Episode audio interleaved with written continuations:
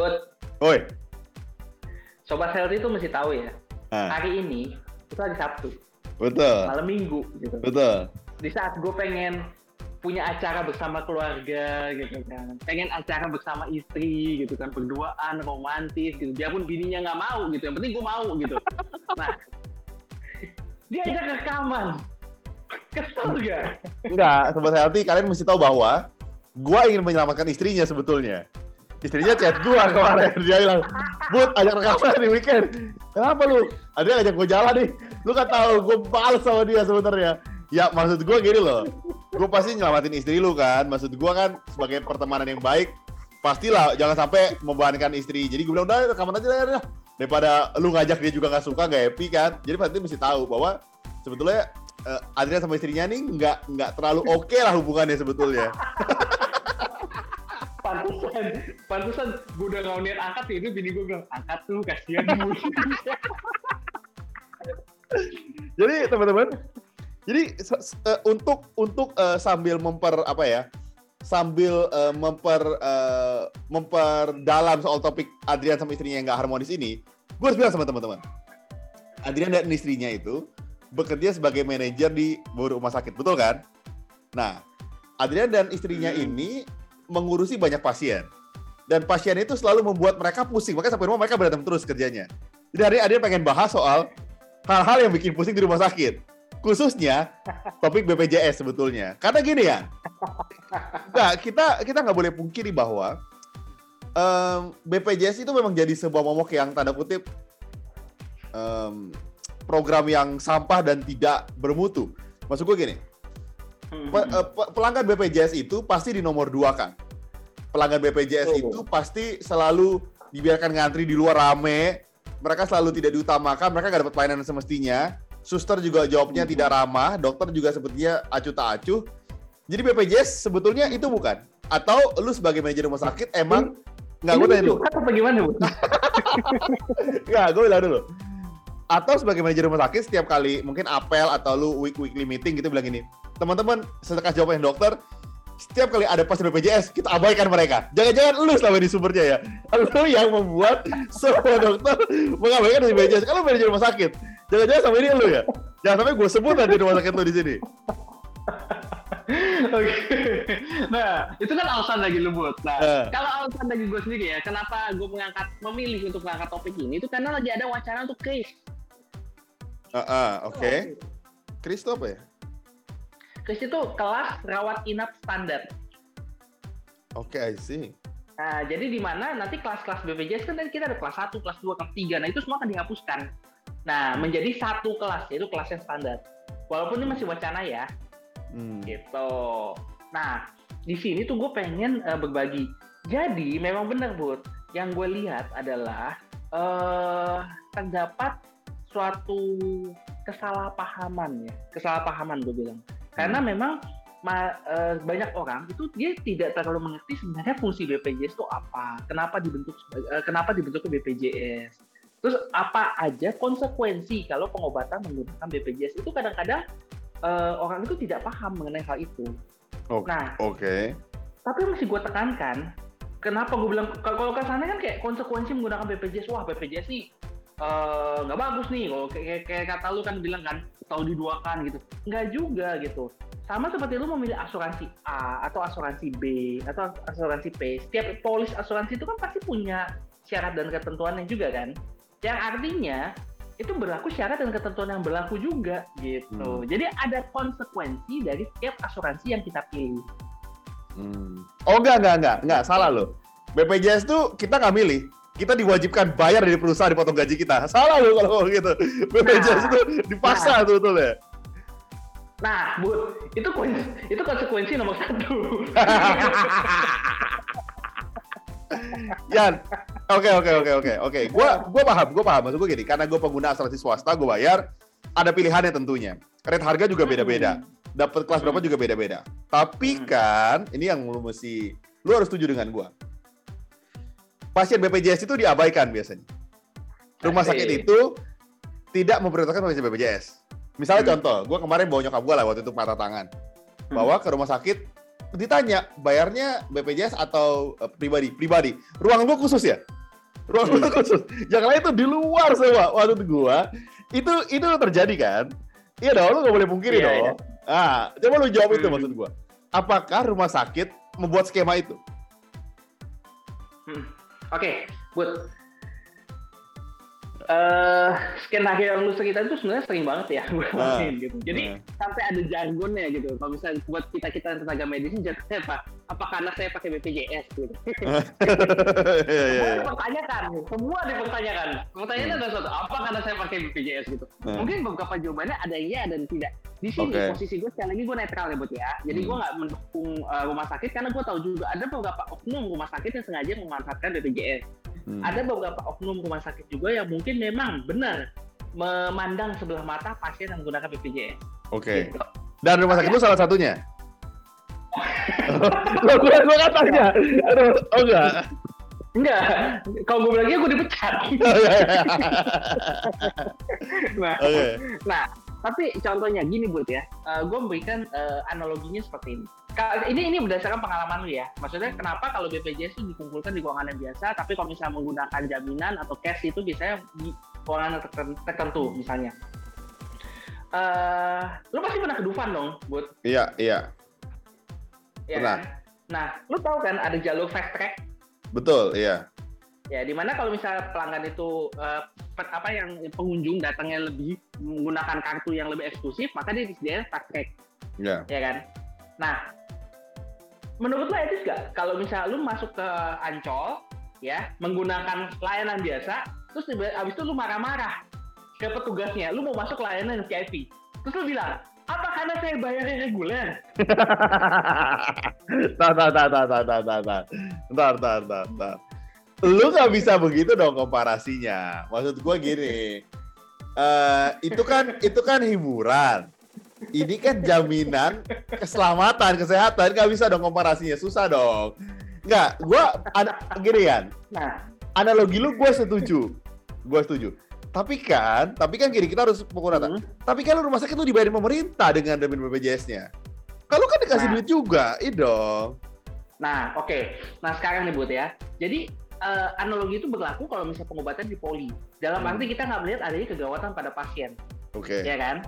Artinya, pasien akan dilayani sesuai dengan nomor kedatangan. oke. Nah, ini beda nih kasusnya kalau di UGD. Kalau di UGD, kita nggak ada tuh kenal namanya fast track atau misalnya eh, regular track gitu. Di UGD, prinsipnya adalah kalau dia lebih gawat, ya dia akan ditanganin duluan. Oke. Nah, itu itu prinsip nomor satu. Nah, terus kalau misalnya lu tanya sekarang, eh apa namanya BPJS misalnya dibayarin pemerintah ya. Eh, Oke, memang memang kan makanya gue bilang dari awal pengguna BPJS itu bayar gitu. Tidak pernah ada orang yang menyatakan bahwa pengguna BPJS itu gratisan. Hmm. Tapi kembali lagi kita pakai logiknya berapa yang dibayar. Eh, ibaratnya gini, berapa premi yang lu bayar dengan menggunakan BPJS? Hmm. Nah, Oke. dibandingkan dengan orang yang bersedia bayar lebih untuk jalur yang lebih cepat. Makanya gue Hmm. bilang kenapa analoginya sama. Karena kalau misalnya di tempat hiburan yang tadi gue sebut nih di Dufan gitu, lu masuk reguler juga lu bayar gitu. Hmm. Tapi yang dibayar orang yang jalur eksekutif lebih mahal lagi. Dan Oke. kalian sama-sama mendapatkan pelayanan yang sama, dokternya sama. Terus, nah kalau misalnya nih ya mengenai masalah keramahan, itu gue akui itu sebenarnya oknum. Oke. Jadi eh, banyak kok gue temuin rumah sakit yang memang perawat itu nggak ramah aja gitu, Hmm. atau dokternya memang nggak ramah aja karena memang sudah tabiatnya dan itu memang eh, masalah dari servis ya sebenarnya ya. Tapi nggak terkait, ada juga oknum, oknum ini yang terkaitnya dengan jaminan tertentu. Nah, misalnya dia menggunakan jam mas, kalau zaman dulu ada jam mas, jaminan kesehatan Hmm. masyarakat atau jam da, jaminan kesehatan daerah. Nah, itu biasanya di anak tirikan, itu juga ada. Tapi kembali lagi itu gue sebutnya ok- oknum ya, dan itu gue akuin ada gitu. Tapi pada kondisi yang ideal, nah rumah sakit itu berhak untuk menyediakan jalur yang lebih cepat bagi orang yang ingin berbayar atau menggunakan asuransi. Kenapa tujuannya? Untuk mendorong orang-orang agar lebih memilih jalur itu. Wah parah. Wah, gua gua kayak gua tahu tuh parah. Tunggu. Berarti dengan kata lain, ah gimana gimana gimana? Ya, mendorong itu kan bukan berarti memaksa ya. Artinya Hmm. kalau misalnya lu mau silakan, kalau enggak ya udah gitu. Hmm. Nah, salah satunya kenapa? Karena alasan paling klasik. tarif atau uh, coding ya, kita sebut coding. Jadi klaim yang dibayarkan oleh BPJS kepada rumah sakit memang jumlahnya jauh jauh lebih kecil dibandingkan dengan tarif dari asuransi swasta. Oke. Okay. Gitu. Sampai situ analoginya gue paham. Coba sekarang gue tanya, lu kan manajer rumah sakit, hmm. berarti lu mau manage dong banyak hal dong. Hmm. Gue tanya sama lu, seorang dokter umum memeriksa pasien dengan asuransi atau dengan pasien BPJS, hmm. dibayarnya sama nggak hmm. per pasien? Pertanyaan gue. Beda, beda. Jadi, jadi kalau dokter itu terima pasien BPJS, habis itu terima pasien yang asuransi swasta, dia prefer yang swasta dong, karena dibayarnya beda ya. Gue pikir sama bayarnya. Beda. Beda, beda. Pembayarannya beda. Cuma, ya cuma nih, dokter itu nggak boleh menolak atau membeda-bedakan pasiennya. Lah, iya gue paham. Itu kan secara etis. Oh. Tapi kan secara kenyataannya nah. belum tentu kan? Oke, gue tanya dulu. Ya. Kalau misalnya yang pakai asuransi swasta 100%. Pakai BPJS berapa hmm. persen dibayarnya? Gue mau tahu. Oh itu beda-beda bu. Itu oh, beda-beda. Itu, itu gue nggak bisa bilang. Itu beda-beda. Beda-beda semuanya benar-benar tergantung dari. Jadi pokoknya seperti gue bilang nih ya. Jadi uh, buat teman-teman yang nggak tahu, sistem pembayaran BPJS itu berupa paket. Hmm. Nah, misalnya gini ya, misalnya gini. Uh, kita pakai contoh lu debut gitu. Hmm. Lu dirawat karena jelek akut misalnya. nah, Oke, misal kata kita katakanlah demam berdarah, demam berdarah. Demam berdarah itu kasusnya itu biasanya diklaim itu sekitar 2 jutaan.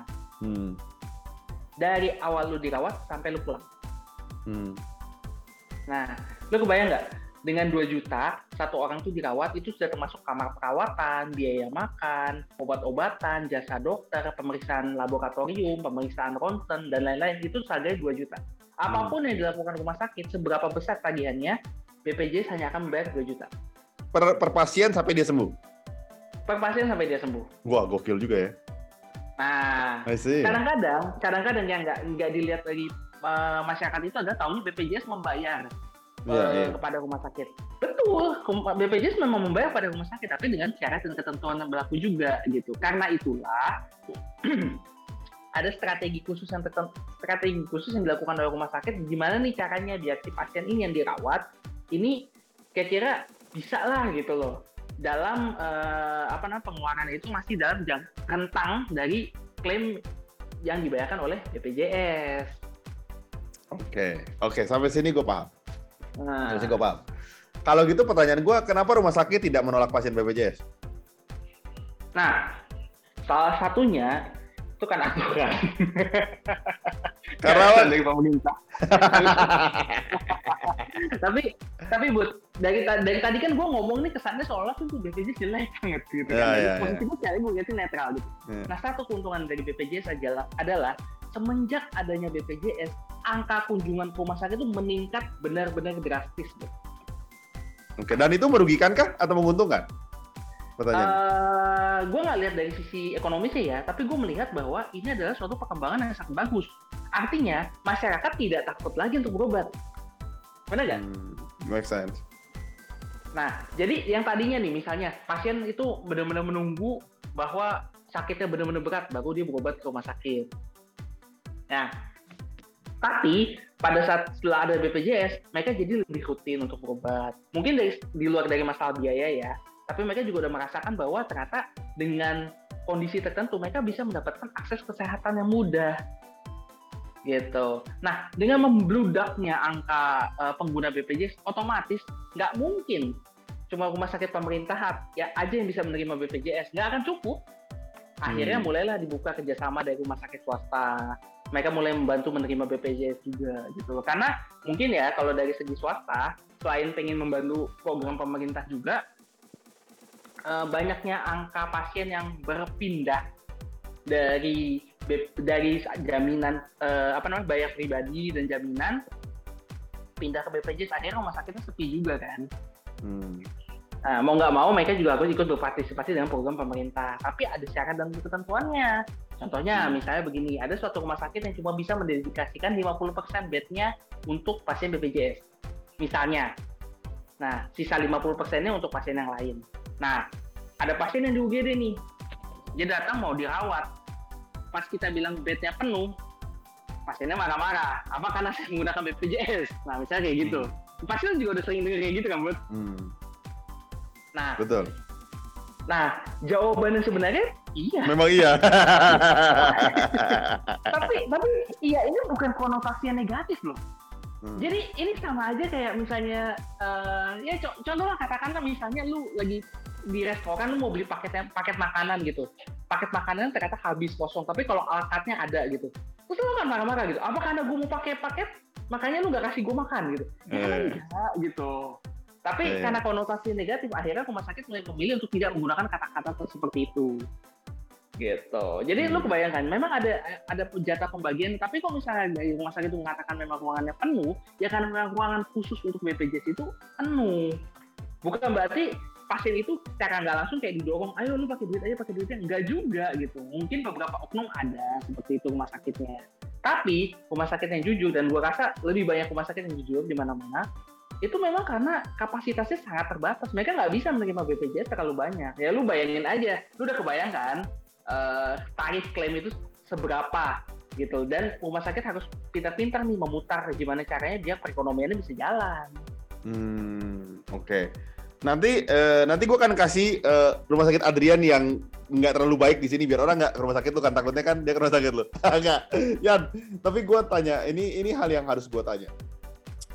Em, itu kalau demam berdarah 2 juta memang sangat krusial ya maksud gue sangat sangat sedikit sebetulnya karena gue tahu pengobatannya lebih dari itu untuk eh, demam berdarah. Pertanyaan gue, apakah semua penyakit seperti itu penanggulannya? Maksud gue gini, apakah semua rumah sakit, apakah semua penyakit dengan jaminan BPJS biayanya jauh lebih rendah daripada yang seharusnya? Pertanyaan gue.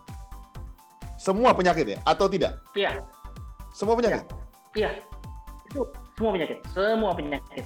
Ja- eh, Hmm. tapi ini ini ya jauh lebih rendah dari yang seharusnya kan lu bilang. Berarti kan Hmm. maksudnya ka- kasarnya adalah kalau misalnya rumah sakit dengan menggunakan asuransi dia akan menagihkan segini Hmm. ya. Ya berarti kan asuransi akan membayar dengan jumlah segini. Hmm. gitu kan. Nah, kalau BPJS biayanya segini. Berapapun biaya lu BPJS akan bayar segono. Hmm. Nah, tarif segono itu memang secara umum pasti jauh lebih kecil daripada segini. Gua gua gua paham. Tapi pertanyaan gue gini, apakah biaya segono itu jauh di bawah operasional atau sebetulnya margin untungnya aja yang dikit? Gue gua nanya lu, iya dong. Eh, Itu tergantung, Bud. Itu semua tergantung dari bagaimana rumah sakitnya bisa memanage. Hmm. Misalnya ya, misalnya menekan penggunaan obat-obatan, Hmm. menggunakan obat-obatan yang generik. Kalau misalnya nggak ditekan ya nggak akan dapat untung, rugi malah. Tapi kalau misalnya lu bisa manage dengan baik, ya mungkin lu masih bisa dapat untung dengan margin. Nah, marginnya kecil atau besar itu tergantung kembali lagi bagaimana cara lu memanage. Karena ada kok rumah sakit yang benar-benar hidup hanya dari menggunakan jaminan BPJS dan bisa berkembang gitu. Hmm. Tapi ada juga yang ya itu tadi mereka menerima BPJS hanya sekedar syarat karena mereka benar-benar nggak bisa memanage-nya gitu. Ujung-ujungnya jadi BPJS itu agak sedikit jadi beban buat mereka. Oke, eh, gua gua nanya lagi sama lo. Em, Yan, eh, rumah sakit khusus ibu dan anak biasanya nggak menerima BPJS, bener nggak? Eh, Atau enggak? Itu gua nggak tahu deh, Bud. Itu gua nggak tahu deh. Maksudnya I see. nggak ada nggak ada rahasia umum atau kesepakatan nggak tertulis gitu ya. Kembali lagi Hmm. sih sebenarnya kalau rumah sakit itu dia mau menerima BPJS atau enggak itu tergantung dari perencanaan dari rumah sakitnya. Tapi kan rumah sakit tidak bisa menolak BPJS dong, kata lo bilang. Kan pemerintah mewajibkan BPJS dengan tentu Kebanyakan- kapasitas dia. Kebanyakan bebannya di rumah sakit ibu dan anak itu karena eh, mereka itu jadi benar-benar cuma bisa menerima Pasien. eh, ibu dan anak. Hmm. Jadi kalau misalnya mereka ternyata ada eh, kasus-kasus yang di luar itu, mereka terpaksa merujuk. Sedangkan kasusnya kan mungkin tidak banyak gitu. Jadi keberatan mereka itu kenapa harus menerima BPJS ya seperti itu. Karena jadi udah terima BPJS, kasusnya juga dibatasin. Tahu gue Oh, sih iya. itu ya, gitu. I see, paham, paham, paham. Em, sebetulnya sih gue masih nggak percaya-percaya banget sama yang lu bilang. Tapi ya kita anggap lah yang lu bilang bener gitu ya. Tapi ada ada ada satu yang yang gue pengen tanyakan. Eh, berarti dari opini lu gitu ya, sebagai seorang manajer rumah sakit Hmm. tentu yang tahu operasional, apakah Hmm. program BPJS ini sebetulnya baik untuk masyarakat? Maksud gue gini, jangan jangan lu lu jangan bilang ini dong. Banyak nih yang ke rumah sakit, itu betul baik juga buat masyarakat. Maksud gua, apakah program kesehatan ini emang diperlukan masyarakat? Jangan-jangan em, eh, tidak tidak membantu segitunya. Misalnya contoh, membuat banyak rumah sakit yang defisit, membuat uh, perekonomian rumah sakit jadi nggak maksimal. Pandangan lu gimana? Lu di rumah sakit lu lah, BPJS. Apakah menurut lu keuangannya jadi stabil atau malah keuangannya jadi nggak stabil kalian terima ini? Kalau gue sendiri, gue termasuk saat ini ya, maksudnya, gue tuh termasuk orang pro BPJS, gitu. Hmm. Cuma sistemnya masih harus diperbaikin. Hmm.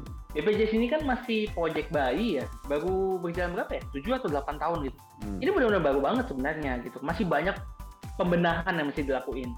Jadi hmm. kalau misalnya secara kasar, gue mesti bilang bahwa dengan BPJS, semua orang bisa mendapatkan akses pelayanan yang pelayanan kesehatan yang cukup. Hmm. Yang cukup dalam arti maksudnya kita belum bisa memberikan pelayanan kesehatan yang maksimal. Hmm. Gitu. Misalnya gini buat ya. uh, gue ambil kasus misalnya contoh operasi jantung aja deh. Hmm. Operasi jantung bypass. Nah, operasi jantung bypass itu kan sebenarnya adalah tindakan yang luar biasa banget biayanya. Hmm. Ya. Kalau lu nggak ada BPJS, orang biasa mungkin akan sangat sulit untuk bisa hmm. melakukan operasi gitu tapi dengan BPJS lu bisa melakukan operasi itu dengan tarif BPJS paham, kalau misal lu melakukan di pemerintah berarti kan memang lu hanya membayar iurannya aja gitu kan lu yeah. bayang nggak seberapa kebantunya orang itu gua ngerti gua ngerti I see nah, paham. tapi tapi downside-nya karena belum semua rumah sakit bisa melakukan operasi itu dengan menggunakan BPJS, akhirnya cuma beberapa fasilitas saja kan yang bisa melakukan. Ujung-ujungnya antriannya membludak. Kalau nggak salah dulu ada pengalaman uh, teman kita sendiri, orang tua teman kita, gitu, dia itu menunggu antrian untuk operasi jantung itu sekitar enam bulan kalau nggak salah. Hmm. Kalau nggak, eh, nah eh, selama enam bulan kalau nggak salah. Nah, hmm. sedangkan kalau misal prinsip operasi jantung kan, ya namanya jantung detak sumbat ya harus secepat mungkin kan.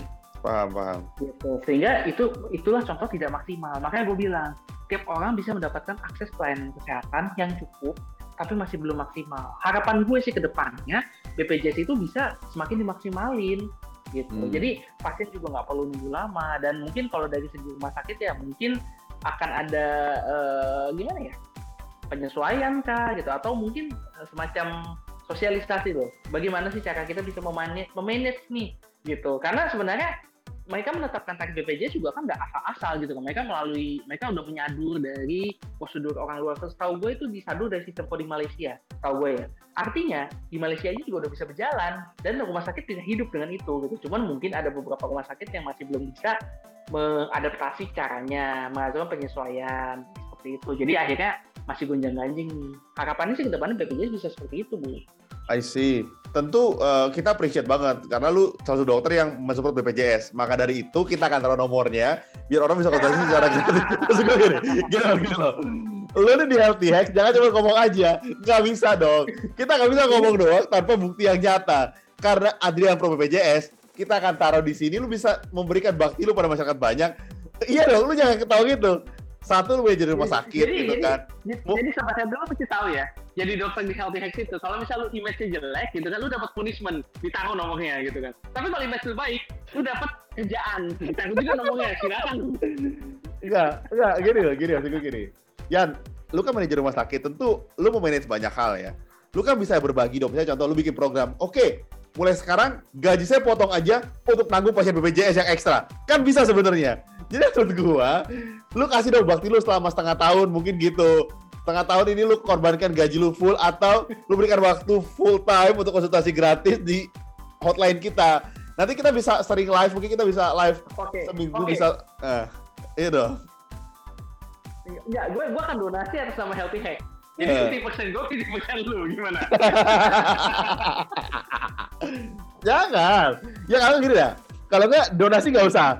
Kita bikin donasi gratis aja, nggak apa-apa juga kalau itu. ya. Jadi uh, teman-teman tentu uh, gua gua memahami, gua sebagai orang pengguna asuransi swasta, tentu gua ketika datang ke rumah sakit, gua ngeliat antrean BPJS tuh sedih gua. Karena rame banget ya. Ramenya rame banget, parah. Hmm uh, eh, gue memahami gitu ya. Tentu gue punya privilege gue membayar asuransi swasta jadi bisa dapat privilege. Tapi uh, teman-teman juga mesti tahu bahwa hmm, pemerintah berjuang keras untuk lu bisa bayar iuran. Kan gue tau ya ada dari 80 ribu sampai 150 ribu kalau nggak salah ya. Mungkin gue salah tapi lu bayangin kalau lu dengan 150 ribu tiba-tiba lu bisa operasi bypass jantung yang which nggak mungkin lakukan dengan event gaji lu bisa punya 50 juta sebulan gitu. Uh, tentu itu sebuah privilege juga yang dimiliki sama orang. Kita berharap tentunya gue dan Adrian sistem BPJS diperbaiki lebih lanjut tapi juga kritik gue mungkin buat tenaga medis yang denger please jangan beda-bedakan antara pasien yang BPJS yeah. dan non BPJS karena tentu menyakitkan buat kita gitu. Tentu tentu rasanya uh, nggak enak gitu ya. Maksudnya gua yang pengguna asuransi swasta aja lihatnya kadang-kadang nggak enak gitu. Kayak gua merasa gue dikhususkan nggak yeah. enak apalagi teman-teman yang pakai BPJS. Jadi uh, saran gue sih uh, teman-teman bisa terus uh, mem mem mem memberikan uh, uh, service yang sama gitu ya dan kalau misalnya teman-teman dirasa kurang hmm. nanti gue kasih hotline Adrian tetap biar kita bisa berbagi juga dengan total. Jadi semoga abis ini Adrian mau memberikan nomornya gue akan taruh. Jadi kalaupun ada oknum yang salah ingat masih ada happy hacks yang oknum yang baik yang bisa berbagi secara gratis gitu itu dari gue menutup siang lu mau nambahin lagi Buat jelasin oknum yang baik itu kayak apa sih? ya itu tadi kalau mereka nggak memberikan servis gitu, mereka bener-bener wah udahlah. Nah kita masih bisa ngasih ya. Kita healthiest masih bisa memberikan itu loh. Lu harus gitu dong. It, it, itu bukan oknum yang baik, Bu. Itu oknum yang tobat. Kalau dari gue, ya, Uh, betul betul betul. Jadi gue juga pesan sih buat uh, kita kita ya para tenaga kesehatan gitu. Kita tahu sih, mungkin kebanyakan ya buat ya. Tapi ini bukan pembelaan. Ini bukan pembelaan tapi mungkin salah satu alasannya juga kenapa tenaga kesehatan itu agak melupakan pelayanan servisnya itu salah satunya itu karena pasien yang membludak gitu nggak bisa nggak bisa dipungkiri but maksudnya uh, kalau lu bilang pelayanan servis mana pun harus baik misalnya di bank juga harus baik gitu cuma ada satu yang dilupakan ya kalau misalnya tenaga kesehatan tuh kadang-kadang kita itu terpacu terus adrenalinnya but Hmm. Karena kan kita kan harus menangani kasus-kasusnya itu kan kasus-kasus kadang berat, kadang-kadang hmm. kasus harus membutuhkan cepat gitu. Hmm. Dan kalau kita salah melakukan kesalahan tuntutan itu nyawa gitu. Hmm. Jadi kita itu kadang-kadang memang terlalu tegang ujung-ujungnya sehingga ada beberapa teman sejawat yang juga mungkin melupakan kalau keramahan itu juga menjadi salah satu yang bisa menenangkan pasien. Nah itu gue hmm. akuin itu memang ada seperti itu. Nah tapi pesan gue juga untuk para masyarakat di luar sana kalau bisa hilangkan stereotip bahwa BPJS itu adalah pasien kelas 2 gitu. Jadi jangan datang ke rumah sakit sudah dengan defense duluan bahwa karena gue menggunakan BPJS, gue pasti mendapatkan pelayanan jelek gitu. Atau karena gue mendapatkan BPJS, gue pasti uh, pasien kesekian gitu. Karena sebenarnya image seperti itu justru berbalik hubungan dokter dokter tenaga medis dengan pasien itu sebenarnya kan harus dilandasi dengan kepercayaan. Benar nggak? lu lu lu datang berobat ya lu percaya dengan tenaga medisnya kalau lu akan ditangani dengan baik kalau lu nggak percaya ujung-ujungnya pasti hubungan uh, pengobatan itu nggak akan berjalan dengan lancar hmm. contohnya misalnya lu nggak percaya sama dokternya apa pun yang dibilang sama dokternya juga lu nggak akan percaya dan lu nggak akan ikutin kalau gue bikin podcast ini aja nggak percaya sama lu kok sebenarnya jadi gue memahami kondisi itu gue aja gak yakin yakin banget yang lu bilang terus Gak apa-apa, gak apa-apa lu gak percaya. Yang penting pendengar kita percaya. Iya, iya, iya. nah, kalau misalnya mereka nggak percaya, nggak ngikutin pengobatan, ujungnya nggak sembuh juga gitu. Dan ya, begitu mereka nggak sembuh, mereka akan memperkuat kayak tuh kan, ngapain gue gue ngapain gue berobat? Gue gak percaya berobat, ya, karena gue BPJS itu gue gak sembuh gitu. Padahal itu kan sebenarnya karena masalah percaya gitu.